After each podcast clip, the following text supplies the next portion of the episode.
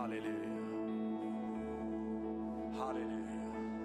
Hallelujah. Si parakandretti alarara siberere alararandre siberere. Shipere ki alarararor sibithi alararandre siberere alararara ki alararelelele shiberendi alararara sorabere ki alararara sikea. Oh, sipere ki sorararandre ti alararelelele.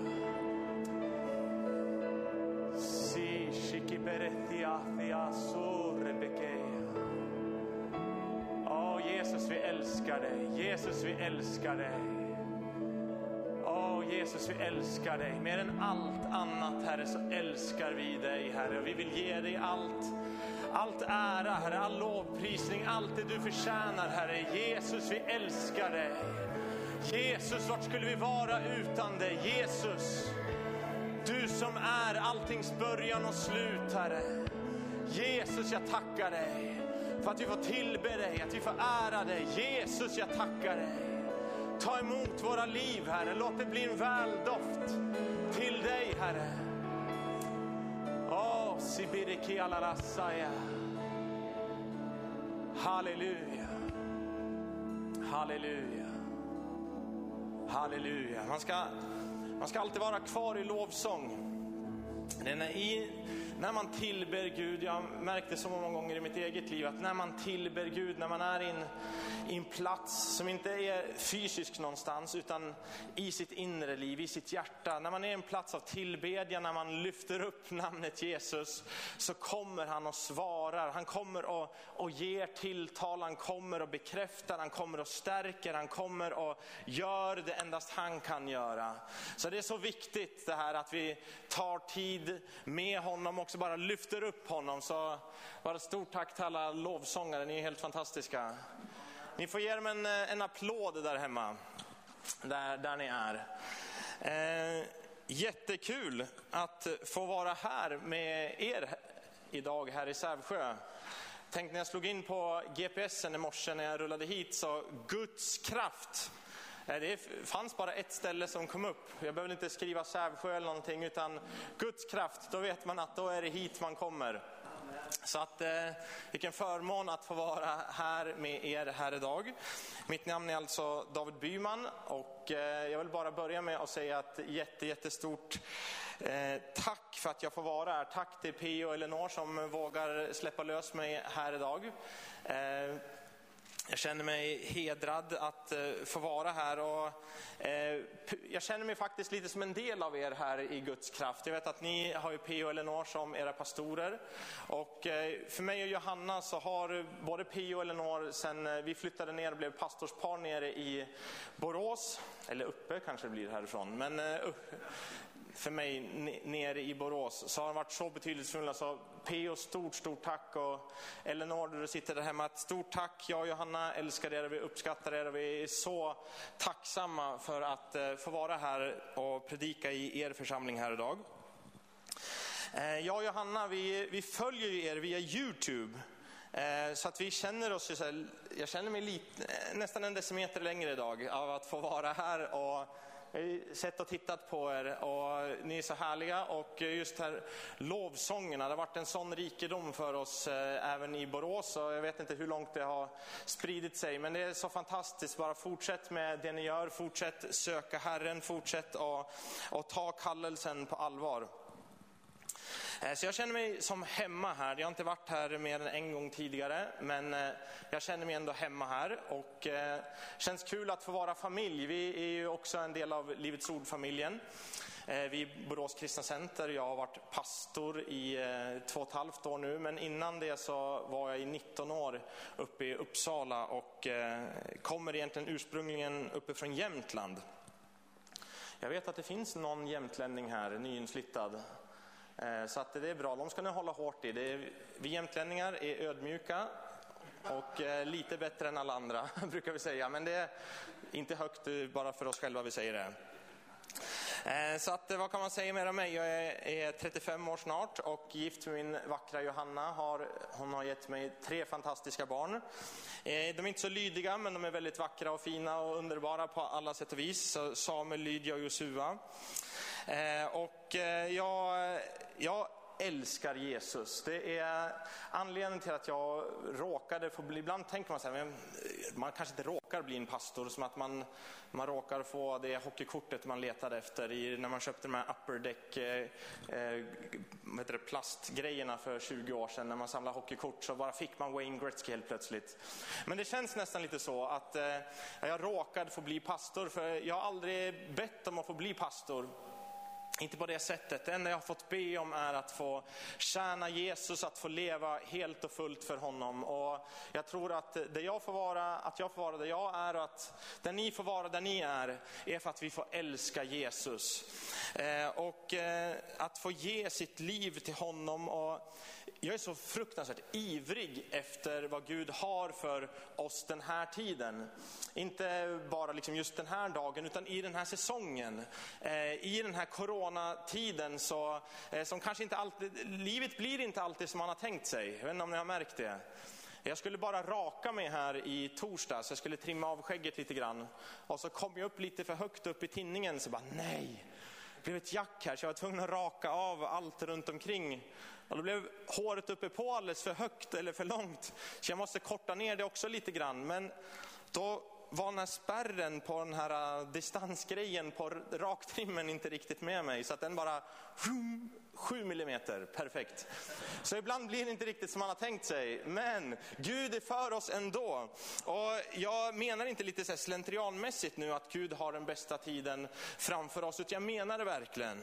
Jag menar att eh, Gud har den bästa tiden framför oss. Och om man har läst lite kyrkohistoria jag har läst lite, inte jättemycket, men jag har läst lite kyrkohistoria. Det man kan se är att genom fattigdom, förföljelse och nöd och prövning tillsammans med att Guds folk ber, då händer det grejer. Och det är någonting som jag tror Guds församling i Sverige och över hela världen har gjort under den här coronatiden.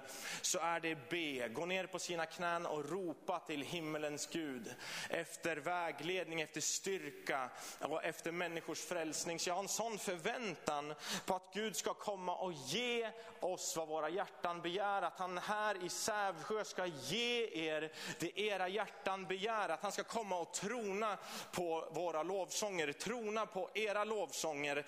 Och ibland så tror jag Gud väntar med att ge oss det våra hjärtan begär. Därför att vi förstår inte riktigt djupet och hur frimodiga och hur ivriga vi kan få vara i, i Gud och när vi begär saker av honom. Gud kan, har någonting mer än att bara Gud ge mig en flakmoppe till. Han har någonting mer, han kan ge dig en Tesla, han kan ge dig vad som helst. Så istället för att be Gud om fem människor till frälsning så kan ni få be om att anden, Guds ande ska få bryta fram över hela den här bygden. Att hundratals ska få bli frälsta. Så ibland tror jag Gud väntar på att ge direkta bönesvar just för att han vet att äh, men om jag väntar lite till, så om de håller ut, om de fortsätter så kommer mer av mina tankar ner i dem och de kommer få ett större perspektiv, de kommer få en större tro och de kommer få en större längtan efter ännu större mirakler. Så bara fortsätt, håll ut i bönen. Jag tror att det bästa verkligen ligger framför oss.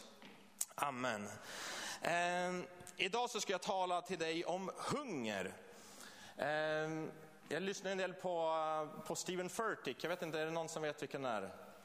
Han är bra, eh, nästan lika bra som P.O. Eh, så att eh, han säger så här, put it in the chat. Så jag skulle vilja vara, är det några här som är hungriga? Ni får skicka en kommentar då, skriv hungrig, eller jag är hungrig. Är det någon här som är hungrig på Gud som, som lyssnar på vad jag har att säga idag, så får du skriva ner det.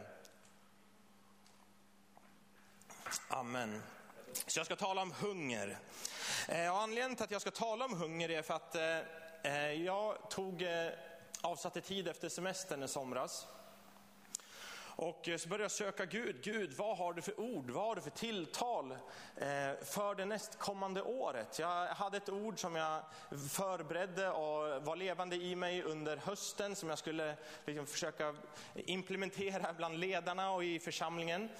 Eh, och sen så började jag ändå parallellt med det här söka Gud att, men Herre vad säger du för nästa år? Gud vad, vad är det du talar, vad är det du, vad är det du vill? Eh, och i det här så hörde jag faktiskt ingenting från början. I slutet av juli började jag, augusti hörde ingenting, september ingenting. Men så satt jag på min gräsklippare i början på oktober och eh, en av årets sista gräsklippningar satt jag bara och lyssnade på lovsång och så var jag tvungen att stanna gräsklipparen för det var bara som att bam, en bomb i bröstet på mig. Man kunde känna den helige ande så tydligt och bara bombardera mitt hjärta med ett ord, hunger hunger. Och parallellt med att jag fick höra det här så tog det ungefär en dag så sitter Johanna, min fru, och bara läser Bibeln. Och det blir en lika, liknande upplevelse hon från Amos som sitter och läser Amos 8. Och då bara tittar vers 11 fram och säger så här. Att se dagar ska komma, säger Herren Gud, då jag sänder hunger i landet. Inte en hunger efter bröd, inte en törst efter vatten, utan efter att höra Herrens ord. Och när det här bara bekräftades med det här bibelordet och i, i Johannas hjärta, så bara visste vi att, att det här är ett ord som Gud vill utrusta oss med. Det här är ett, Gud som, det här är ett ord som Gud vill att eh, hans församling ska få tag på. Och jag, jag har börjat levt i det här, när jag börjar be för det här, jag börjar forskat och grävt och läst och bara försökt studera, ta in vad, vad betyder hunger? Jo, Gud vill sända en hunger över dig och mig, en hunger efter hans ord. Och bara för att liksom landa i någon form av eh, liknelse här, hur, hur, hur skapas hunger och hur fungerar hunger i ditt, din fysiska kropp? Så är det ju så här att matintag skapar hunger. När jag, när jag läste det här så tänkte jag, nej men det stämmer ju inte. Det är ju avsaknad av mat som skapar hunger. Ja, det, det är till viss del sant. Men sanningen är att när du äter, Eh, du äter din eh, broccolipaj eller vad det nu är du gillar att äta. När du äter så utsöndras ett hormon. När du tuggar, när du dricker, när du sväljer och när saken åker ner i din mage så utsöndras ett hormon i dig. Och det här hormonet, det känner inte du av eh, till en början. Den första gången du känner av det här hormonet är när du känner att, äh, men nu är jag lite mätt. Nu, nu känner jag mig tillfreds, nu känner jag att äh, men nu har jag ätit tillräckligt. Och det är också det som är så härligt med den helige ande och så härligt med Gud att ibland tänker vi så här att äh, men nu ska jag bara göra någonting, nu ska jag be 14 timmar om dagen. Från att inte ha bett en minut så ska jag bara be 14 timmar. Nej, vi kan gå och leva en vandring där Gud får komma och mätta mätta oss. Där man positionerar oss och ställer sig i en situation och en position där Gud får tillfälle att mätta dig. För det, det där hungern har sin början med mättnad. För sen går det en tid och maten vandrar ner i tarmsystemet och sen så när magen har varit tom tillräckligt länge så finns hormonet kvar där. Och som säger till dig att, äh, vet du vad David, nu är det dags att ta och äta någonting. Nu är det dags att skala din banan eller äta någonting och fylla på igen. Och så får det där bara funka och leva med, med dig, att det bara får vara som en enkel verklighet. Och jag tror att det funkar exakt likadant med våra andliga liv. Att börja fylla sig med någonting. Börja fylla sig med bön, fylla sig med lovsång, fylla sig med Guds ord och låta den helig ande få verka i dig och mig. Att han får mätta oss, men också att vi inte i prestation utan av Guds vägledning får känna att äh, men nu är jag mätt. Nu är jag tillfreds. Och sen så går det kanske timmar, inte dagar förhoppningsvis, men eh, timmar åtminstone. Och så känner man, äh, men nu är det dags igen. Och så blir Gud del av ens vardag. Och du vet, det här också som blev så tydligt är att det, det är skillnad på hunger och svält. Och svält och hunger har inte med varandra att göra egentligen. Och det här blev så otroligt starkt när jag, när jag förstod det här. Att hunger, vad är det? Jo, det är en stark känsla som längtar, som är aktiv, som liksom hjälper dig att hitta lösningar. Hjälper dig att hitta, kanske lås in dig på toaletten fem minuter, bara för att få be lite till Gud. Bara kanske slå på den här lovsångsskivan och bara vara inför Guds tron. Och liksom, den, den hittar lösningar hela tiden. Däremot svält svält, då byts den här känslan av lösningsorientering, av liksom aktivt göra någonting, den byts ut av trötthet, matthet och passivitet. Det finns otroligt många människor över vår värld som det är helt tragiskt nog att säga dör av svält utan att känna hunger. Det är klart att de kanske med sitt huvud förstår att de behöver mat, att de behöver näring. Men hungerkänslan ligger där någonstans bortglömd längs vägen. Och den känsla man brottas med och som till slut är den som övertar ens liv och till slut dödar den, är mattheten, orkeslösheten och passiviteten. Så att eh, hunger, motsatsen till hunger är inte mättnad, motsatsen till hunger är svält. Och du och jag, vi ska inte vara svultna kristna. Du och jag, det, det finns tusentals människor som lämnar Gud bara i Sverige varje år på grund av andlig svält, som trodde att Gud var någonting man hade på sin att göra-lista.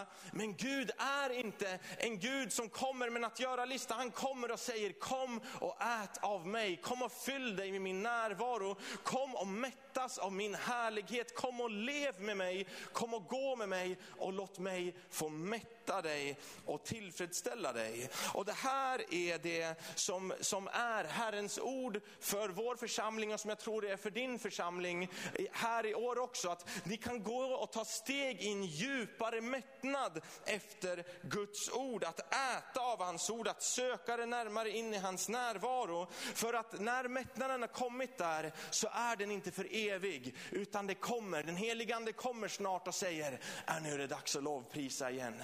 Nu är det dags att läsa några verser till i Bibeln. Nu är det dags att gå ner på sina knän några minuter till och söka mig. Varför? Jo, för att Gud är en Gud som mättar. Gud sänder inte en hunger bara för att vi ska vandra omkring och vara lite jobbiga och liksom eh, otillfredsställda. Utan Gud sänder en hunger för att han är den enda som kan mätta.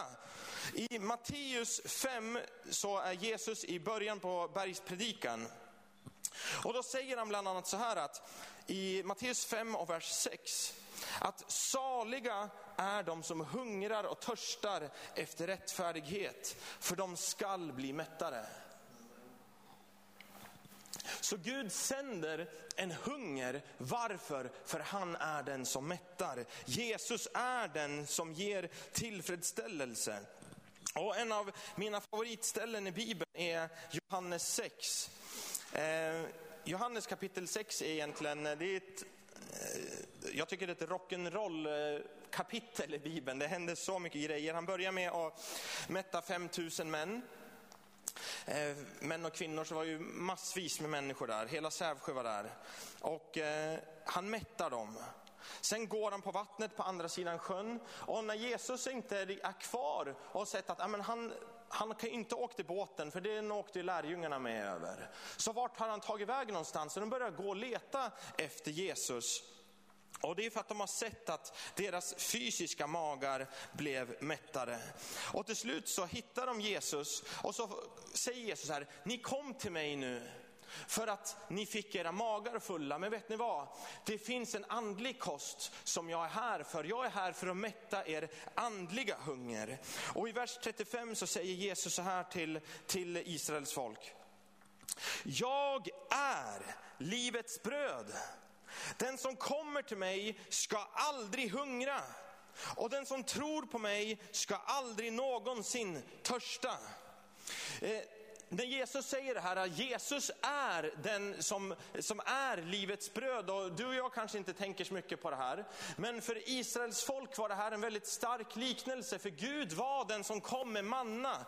Gud var den som kom med fysisk försörjning. Han var den som kom med förbundsrelationen. Alltså jag tar hand om er. Om ni söker mig så tar jag hand om er. Så Gud var den som gav Israels folk att äta i öknen. Men nu är det Jesus som säger att jag jag är brödet. Jag är den som ni ska ta in i era hjärtan. Jag är den som ni behöver processa. Ni är det, jag är den som ni behöver tänka på. Jag är den ni behöver fylla er med. Jag är den ni behöver längta efter. Jag är den som ni behöver fylla er med. Jag är livets bröd som går, skjuter rätt in i hjärtat på er. Och i Ordspråksboken 4 så vet vi att vi ska skydda våra hjärtan, därför från hjärtat så utgår våra liv. Så Jesus säger så här, kom här nu och, och, och, ta in mig, processa mig, lyssna till mitt ord, tugga på det du inte förstår, processa det, smält samman med det, lev i det, då kommer ni att bli mättade. Och Jesus säger att han är den enda som kan mätta ditt och mitt hjärta. Och det är så viktigt här att när Gud kommer och är ordet, han är det vi lever av, han är det som mättar, han är det som tillfredsställer vår hunger. Så är det också så att ordet blir levande. Jesus dog, men han uppstod. Så ordet är levande. Jesus skapar någonting, Jesus gör någonting. Och där det finns ett ord, där finns det alltid kraft. Där det finns ett ord, där finns det vägledning. Där det finns ett ord så finns det en oändlig resurs av mirakler. Där det finns ett ord så finns det alltid en väg för Guds härlighet att bryta fram i ditt liv, i den stad du bor i, på den arbetsplats du är i, där det finns ett ord av mättnad, där kan Gud komma och bryta fram och visa sin härlighet. Och jag tycker det här är så otroligt eh, påtagligt och synligt när Jesus blir döpt i Jordan.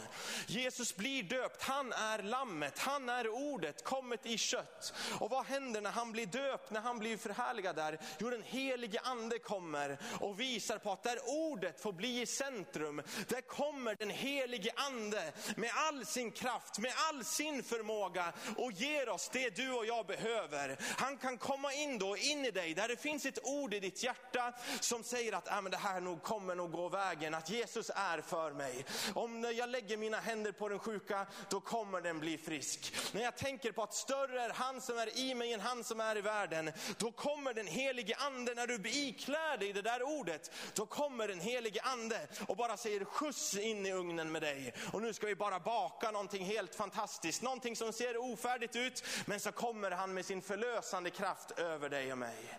Så där det finns ett ord, där finns det en väg av Guds härlighet att få landa. Där finns det en övernaturlig aspekt som bara väntar på att få komma och bryta fram. Men frågan är, är du hungrig?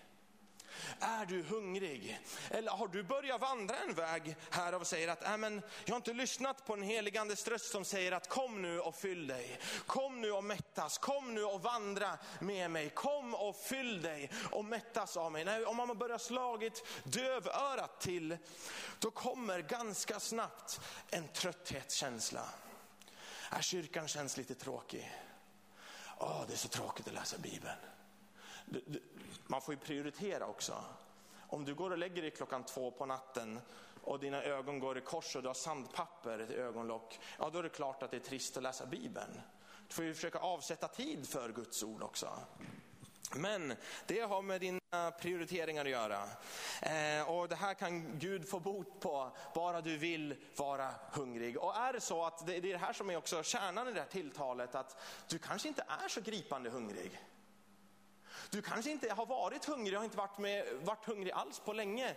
Jag har hört om eh, bön och fastekvällarna som ni har haft här. Och vad den heligande håller på att gör här i den här församlingen. Och du kanske står där och tittar på när tåget lämnar perrongen och bara, ja där borta är det. Men vet du vad, då kommer den helige ande till dig här idag och vill skrämma liv i ditt hjärta och säga till dig att nu sänder jag en hunger till dig. Nu kommer jag över dig med den helige andes smörjelse. Så där du har varit trött, där du varit passiv, där du inte har kommit vidare i dig själv, där du varit fast i gamla hjulspår. Vet du vad? Gud sänder en hunger till dig och mig och låter oss återigen få börja bygga upp kvalitet i våra liv. För Gud har någonting så mycket mer. Eh, och jag skulle vilja att vi går till Hebreerbrevet. Hebreerbrevet kapitel 4 ska vi slå upp.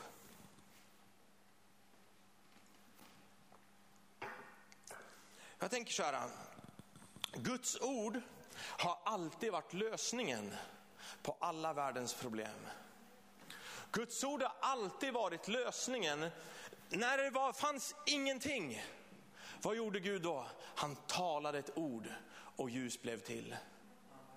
När, när han såg att, att du och jag gick förlorade i synd och det inte fanns en räddning för dig och mig, vad gjorde han? Han sände sitt ord som kom och blev kött och han botade oss. Och han möjliggjorde en väg för oss. Och Gud har alltid löst alla världens problem genom att tala.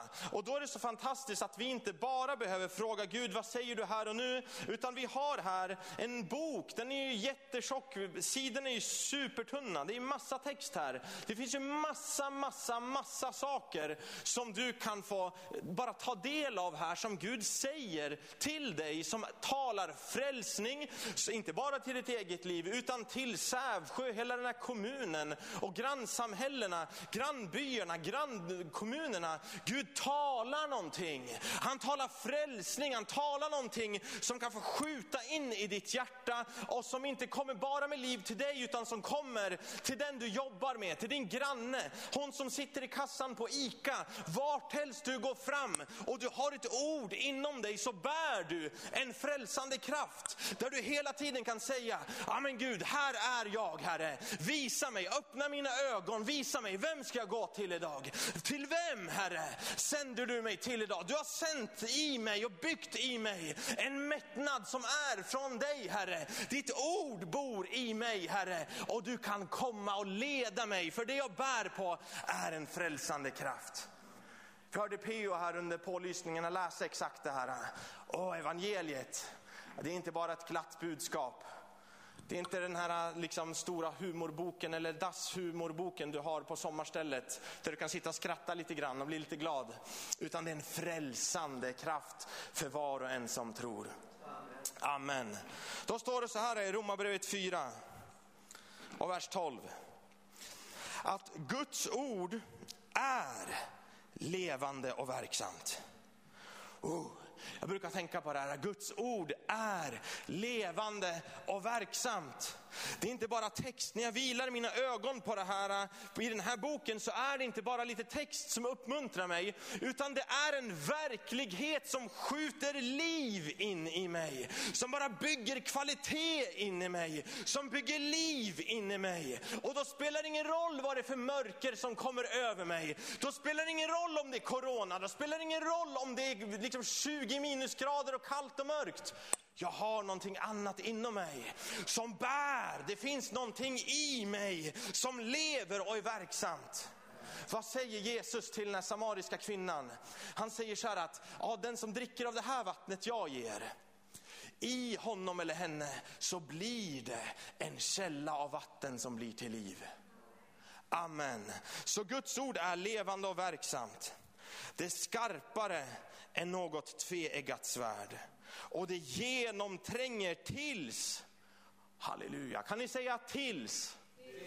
Tills, alltså skriv i chatten tills, för det här är det ord som du, man inte får missa i Romarbrevet 4.12. Tills och det dömer över hjärtats uppsatta tankar. Så vet, tills, vi vill ha alltid liksom snabba fast food-varianten av att Jesus är livets bröd. Jesus säger så här, eller Guds ord säger så här, att vi har i Kristus ett själens ankare som når hela vägen innanför förlåten. Men vet du vad, vad gör ett ankare? Jo, den håller oss där.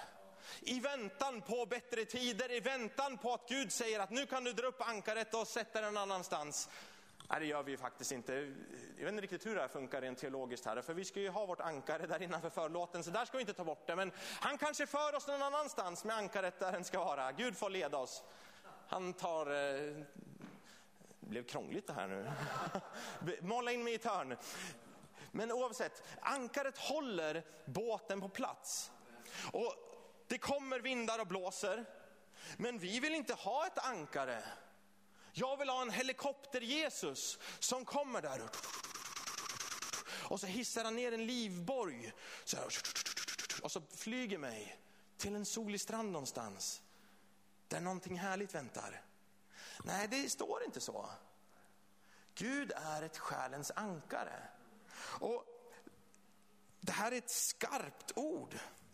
Det är skarpare än något tvegat svärd och det genomtränger tills. Tills du får svinga det här svärdet. Jag vet inte om det här funkar som en Mårvik i Borås. Men... Jo, men det gör det. Tänk dig att när du läser Guds ord, då blir du en jedi-riddare. Tills mörkrets makter kommer mot mig.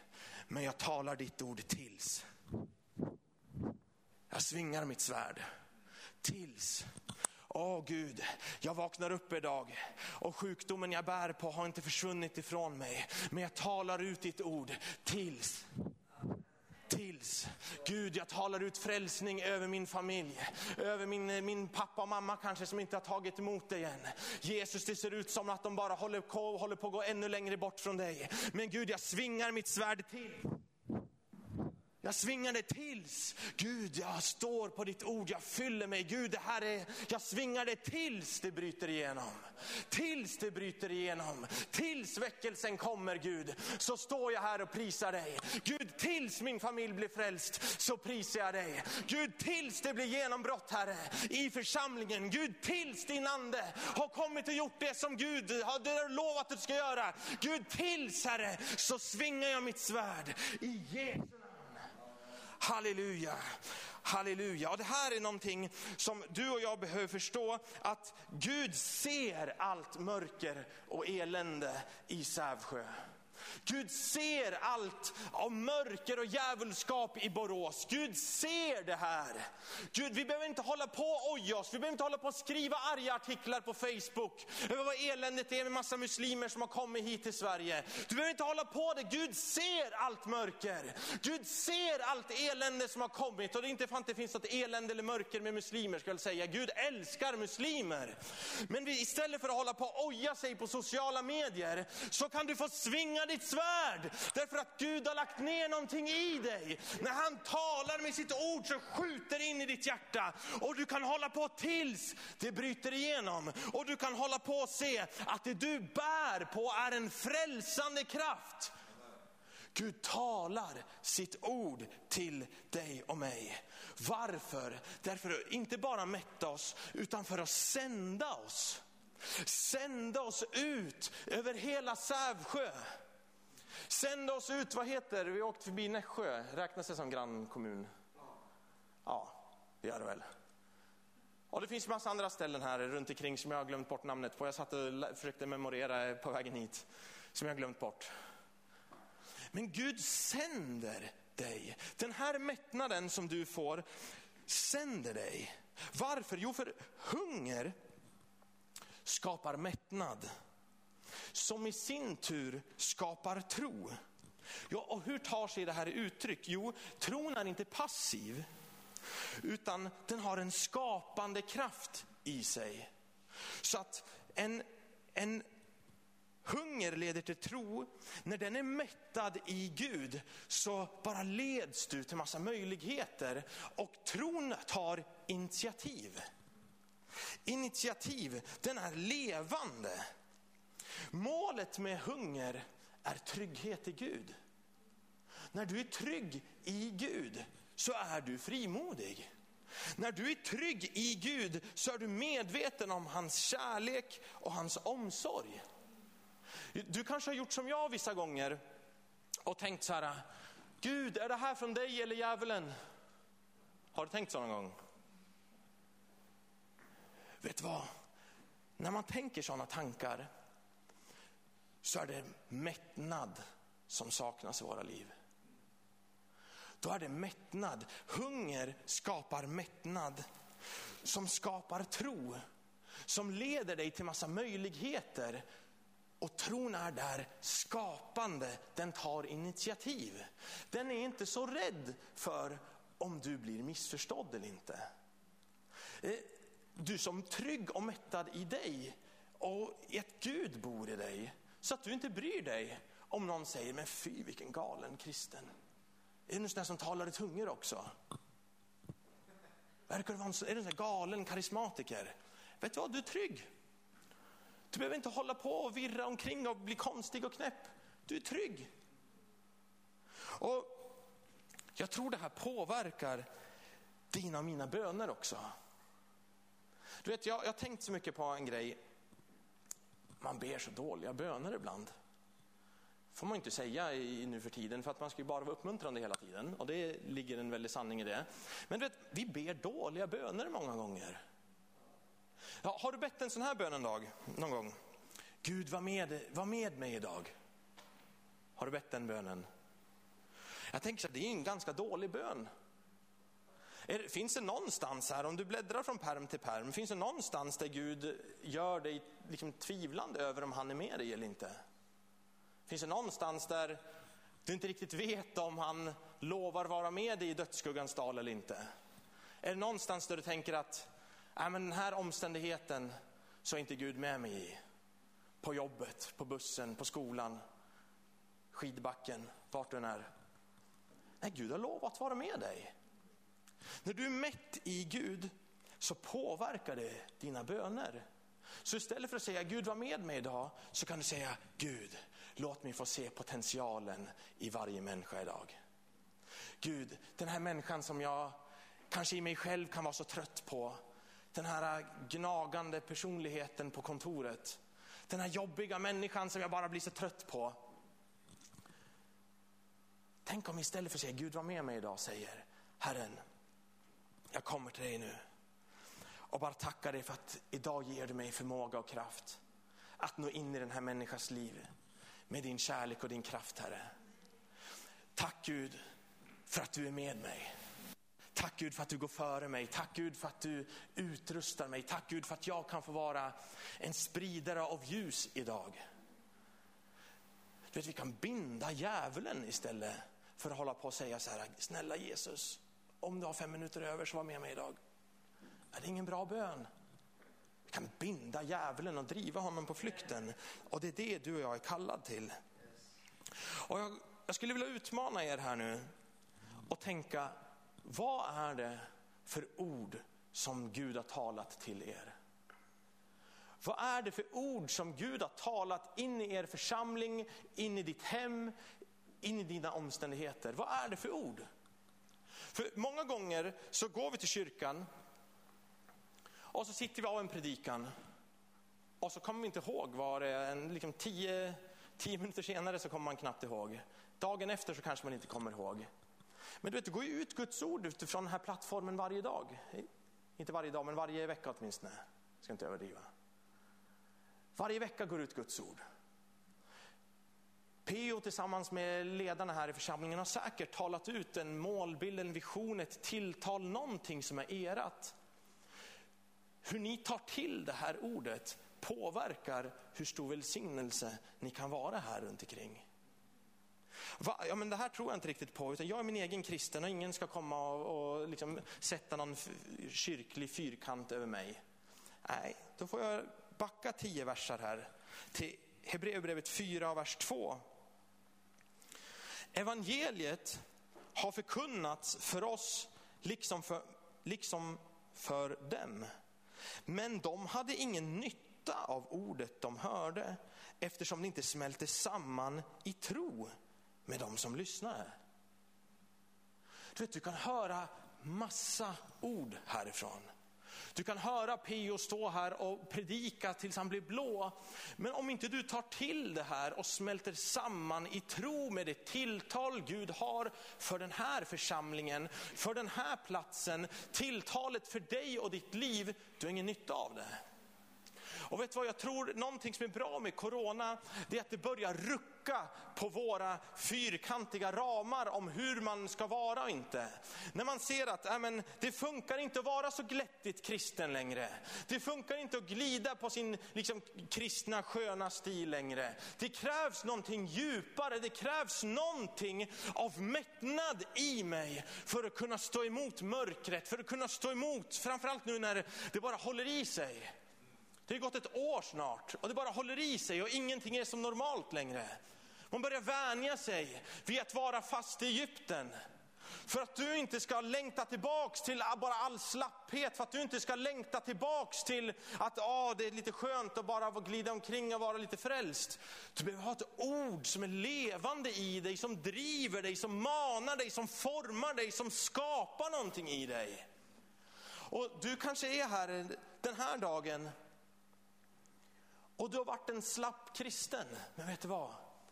Gud kommer med hunger.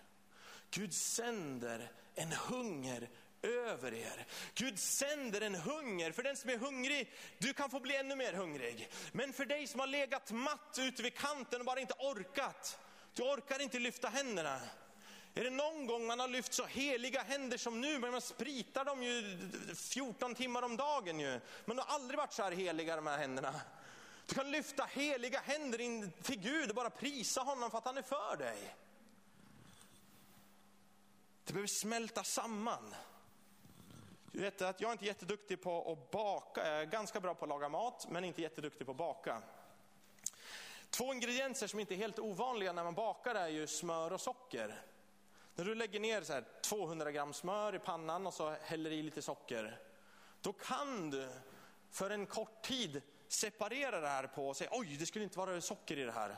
Då kan du ta ut den här smörbiten, skölja av den lite snabbt, hälla ut sockret och så separerar du det.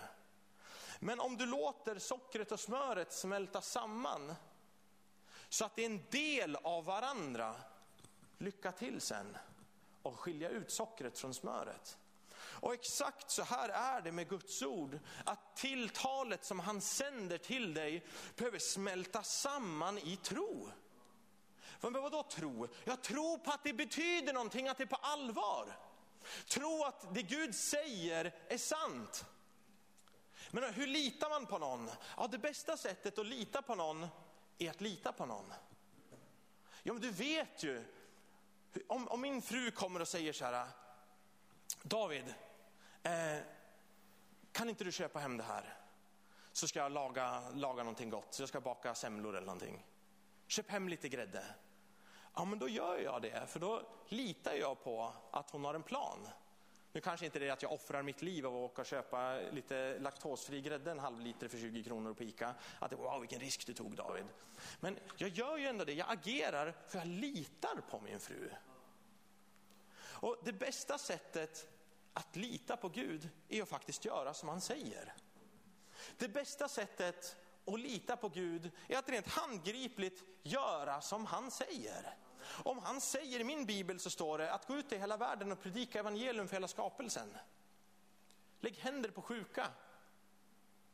Predika ett glatt budskap om frälsning. I min bibel står det det. Det bästa sättet att visa att jag litar på honom är ju faktiskt att göra det. Men ibland så står vi här och väntar på liksom att litandet ska komma. Men det kommer inte, det kommer när du tror, det kommer när du agerar på det Gud säger. Så det här behöver smälta samman med dig i tro. Det betyder att det ord som Gud har talat behöver du börja agera utifrån. Du behöver börja göra någonting. För vad händer då? Då positionerar du dig utifrån att jag är hungrig. Du tar ett steg av tro, du lyder, han skapar mättnad i dig. Wow, jag vittnade för en kille på bussen. Wow, det kändes så bra. Amen, det är exakt det här Gud gör. Han kommer och så ger dig en ny längtan nästa dag. Säger nu ska du gå ut och nu ska du berätta om Jesus för den du träffar. Och så gör du det och så känns det bra. Varför? Därför att du lyder. Det börjar smälta samman med dig. Och när du är mättad i tro, då gör det ingenting om någon säger, är du helt dum i huvudet, gå härifrån, jag vill aldrig se dig igen. Då säger du, Gud välsigne dig. Och jag är lite dum i huvudet. Det gör ingenting. För att Guds ande bor i mig. Och jag måste inte vara så smart för att Guds ande bor i mig. Eller hur? Amen. Så det jag ber för er är att du ska få tag på Guds andes vind för den här tiden. Det jag ber är att Gud ska få sända en hunger över dig som kanske har legat trött vid diket. Det jag ber är att du ska få tag på det Gud har för dig i ditt, din privata vandring men också i livet här tillsammans i kyrkan. Så jag ska precis avsluta, om lovsångerna skulle vilja komma upp så ska vi alldeles strax avsluta här. Så det jag ber är att när Gud sänder en hunger så är det inte bara ett ord för den som redan var helt on fire och brinner i alla hörn. Utan det är också ett ord till dig som känner dig trött. Till dig som känner dig matt. Till dig som känner dig slagen, till dig som känner att oh, jag har ingen glädje i mitt liv. Men Gud kommer till dig just nu. Jag har bett för dig, jag är helt övertygad om att Gud ska få göra sitt verk i dig. Jag menar, den som ligger slagen i svält, den förmår sig inte. Och jag orkar inte, jag kanske någonstans förstår att jag borde, men jag orkar inte. Bara komma till den punkten där jag lever för dig igen Gud, där jag öppnar min bibel, där jag är med i bönen och där jag längtar. Men då kommer Gud med sin ande just nu till dig. Och han sänder en hunger över dig. Han sänder en hunger över dig. Du kan få göra så där du sitter, att du bara blundar, enkelt lyfter dina händer. Bara gör dig själv med den helige Ande just nu. Jag tackar dig Herre för att du kommer in i varje vardagsrum, i varje kök, i varje hem och i varje hjärta just nu. Till var och en som har lyssnat eller kommer lyssna till det här budskapet Herre. Jag tackar dig Gud att du sänder en hunger. En hunger Herre som kan få skapa mättnad. En mättnad som resulterar i en aktiv tro Herre, som tar initiativ. Gud, jag tackar dig att du sänder det här helt mirakulöst nu. Du vandrar och du rör vid människors hjärtan just nu. Jag tackar dig Gud. Att där trötthet har bundit människor, jag tackar dig Gud i Jesu namn. Att vi får bryta en ande av passivitet och trötthet och matthet över människors liv. Där bojor har hållit dem fångna. Jag tackar dig Gud att du har smort mig den här dagen till att förkunna Herre, ditt budskap Herre, ja, för de fattiga. Gud jag tackar dig att du har kommit Herre, genom mig Herre, för att utropa frihet för de fångna. Syn för de blinda. I Jesu mäktiga namn. Jag tackar dig Gud att du bryter udden Herre, av all trötthet Herre, av allt som har bundit Herre. Gud, själsliga bojor som har hållit dem fångna. Jag binder dig Satan i Jesu mäktiga namn. Och jag ropar ut frihet över människors själar Herre. Gud, jag tackar dig att där svält har rådit Herre, där kommer du med liv i övernog i Jesu namn. Halleluja, halleluja. För tre veckor sedan, så eh, ett par veckor sedan åtminstone, innan jag, jag visste inte om att ni hade den här upper room-konferensen. Eh, Min Johanna kollade på eh, Elinor och gänget förra helgen och jag har inte hunnit kollat från den här helgen men jag lovar att jag ska göra det. Såg att David Nyrén predikade eller talade också. David, tack för att du kom och hälsade på oss i december. Det var fruktansvärt bra. Eh, så jag visste inte att ni hade haft en sån här eh, helg för män. Och det bara kom ett så tydligt ord till mig för ett par veckor sedan. När jag bara höll på att be och söka Gud. Så kom det, det finns en, en pappa som sitter där hemma. Du sitter där hemma och jag bara såg en bild av dig. du kanske inte måste ha de här kläderna, men jag bara såg att du hade någon form av grå, brun, lite så här for, gråaktig skjorta på dig. Min fru säger att jag är halvt färgblind, så jag vet inte om det stämmer. Men du sitter där åtminstone hemma och under kanske helgen som har varit här nu så har Gud lagt ner en längtan efter att du ska leva för andra. Och du vill vinna människor, du vill vinna själar och vet du vad, du sitter där hemma. Och men, finns det någonting som är så trött och tafatt som en lite halvavfällig småbarnspappa som sover alldeles för lite och som sitter där och vill kolla på fotboll, är på jobbet, diskar och sen så bara vill vara lite slapp. Men nu har Gud kommit och fått tag på dig. Och vet du vad? Gud kommer utrusta dig med en förmåga att höra in och se bilder som Herren visar dig. Han kommer komma och utrusta dig. Men där du hungrar och där du säger att ja, men jag vill. Där kommer han komma och utrusta dig med en förmåga, en andlig utrustning. Att kunna tala kunskapens ord. Så om du är hungrig, om du sitter där, framförallt om det är du där som sitter med en, någon grå tröja eller skjorta av något slag så kan du bara få lyfta dina händer och så tala ut Herre. Jesus, din välsignelse, din utrustning, din styrka och din kraft över den här pappan Herre. Gud, jag tackar dig Gud att du kommer och vänder upp och ner på hela hans liv Herre. Gud, du kommer och vänder upp och ner Herre. Och på allt det han är Herre. Gud, jag tackar dig att du kommer och där du kanske varit lite trött och passivt ett tag. Där kommer du nu i Jesu namn och ger honom en ny ande ny utrustning och en ny brand. I Jesu mäktiga namn. Halleluja. Halleluja. Halleluja. Jag ska också bara be, be för er som församling. Men igår, det var en mycket märklig stund igår i, i min bönekammare. Bara var i, var i bön och så kände jag så här, jag måste bara, Herre, måste bara ha någonting. Jag bara fick den tanken, Gud, har du någonting extra som du vill säga till Guds kraft i Sävsjö den här dagen? Så utöver predikan såklart, jag tror att eh, ett budskap här, jag hoppas det var till välsignelse, men ett budskap som bara är så till dem, Herre. Och jag bara satte mig där och jag lyfte mina händer. Och det var länge sedan jag gråtit så. Åh, vad jag grät. Jag bara grät och jag grät och jag grät och jag grät. Jag hulkade och jag grät. Jag liksom snoret och tårarna flöd. Jag var helt röd i ansiktet. Och så bara kom det ett sånt tydligt profetiskt ord till er. Det här måste ni självklart pröva. Om du tycker att det här verkar inte vara från Herren, kasta det papperskorgen. Men är det från Herren så pröva det och låt det vidröra er. För så här upplevde jag att Herren sa till mig, till er här i Guds kraft igår.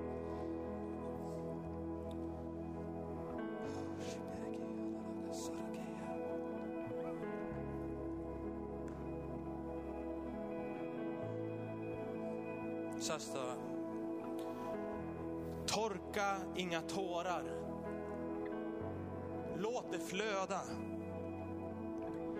För smärtan och nöden som kommer över er är från mitt hjärta.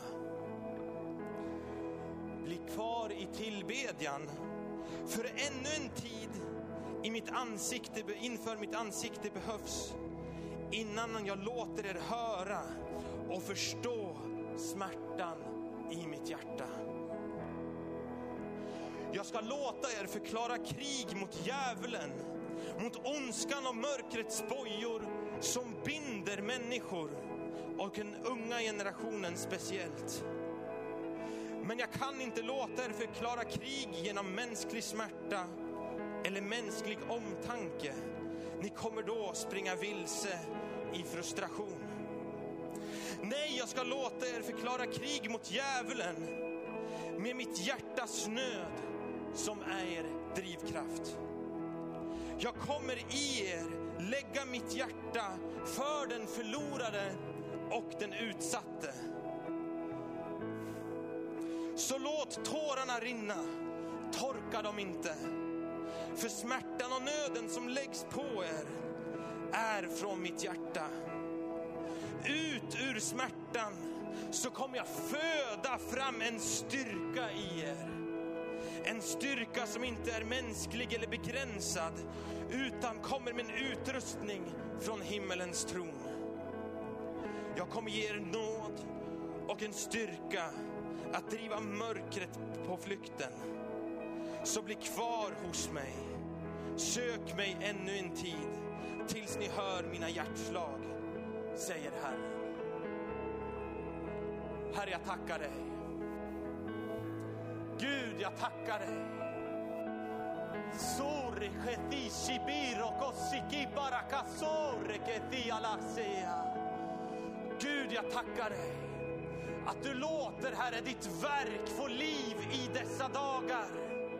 Gud, jag tackar dig att du gör Sävsjö och den här församlingen till en oas för den förlorade. Gud, till en plats att komma till liv igen.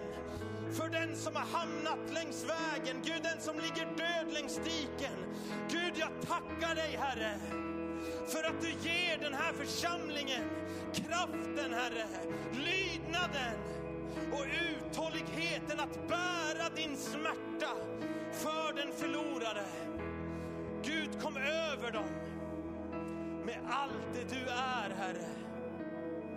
Bryt ner deras hjärtan och plocka ihop dem, Herre, med din styrka igen. Jag ber i Jesu mäktiga namn. Amen. Amen. Då får vi lovsjunga lite tillsammans och så tackar jag för att jag fick komma och vara med er den här dagen. Amen.